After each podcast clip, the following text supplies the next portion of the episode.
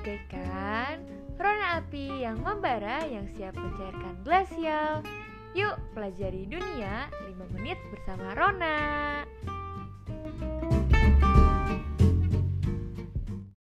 Pada episode kali ini, aku mau bahas mengenai negara Jepang.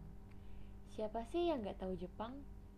Negara layaknya surga bagi para pecinta anim, sushi, ramen, dan bunga sakura tentunya.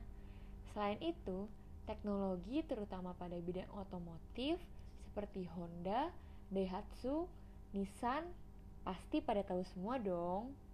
Tapi nih, aku mau bahas satu isu mengenai negara Jepang yang mungkin udah banyak diketahui orang, tapi masih sedikit yang berani untuk membicarakan hal ini, yaitu pelecehan seksual.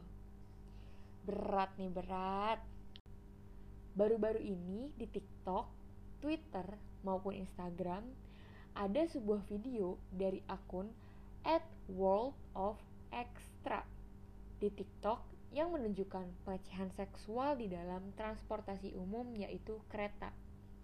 Dan lebih parahnya lagi, video itu beredar sangat luas, tapi orang yang ngevideoin ini diem aja dan gak bertindak apa-apa begitupun orang di sekitarnya.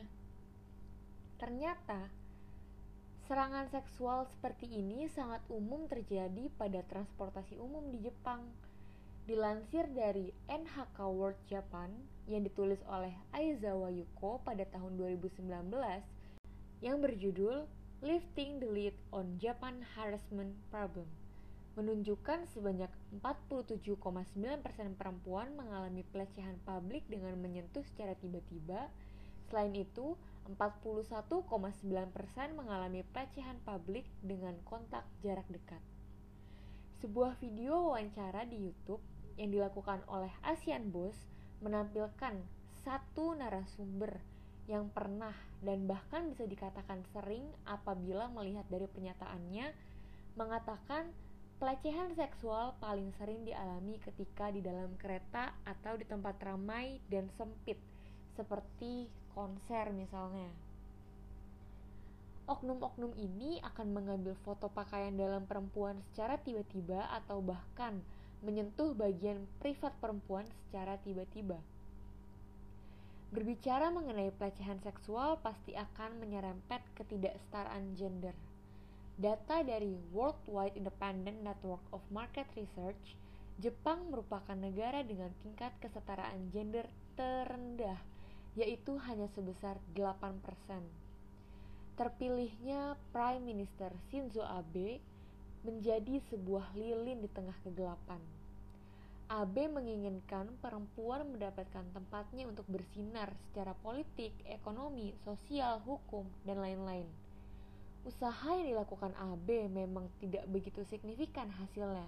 Tetapi dari data Kementerian Urusan Internal dan Komunikasi menunjukkan pada tahun 2012 jumlah pekerja Jepang yang tadinya hanya sejumlah 46,2 persen meningkat menjadi 49,8 persen di tahun 2017.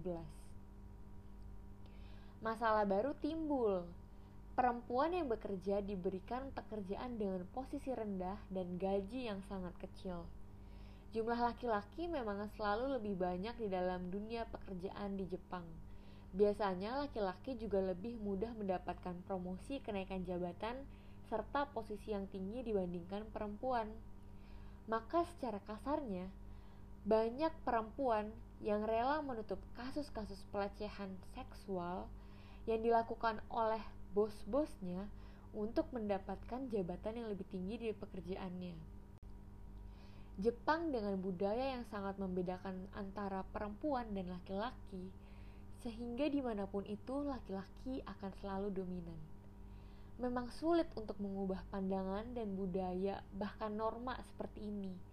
Tetapi apabila Jepang terus-menerus seperti ini, akan ada banyak permasalahan lain yang timbul di masa depan nantinya kekerasan seksual jangan sampai dinormalkan di sini. Itu akan menjadi sangat menakutkan.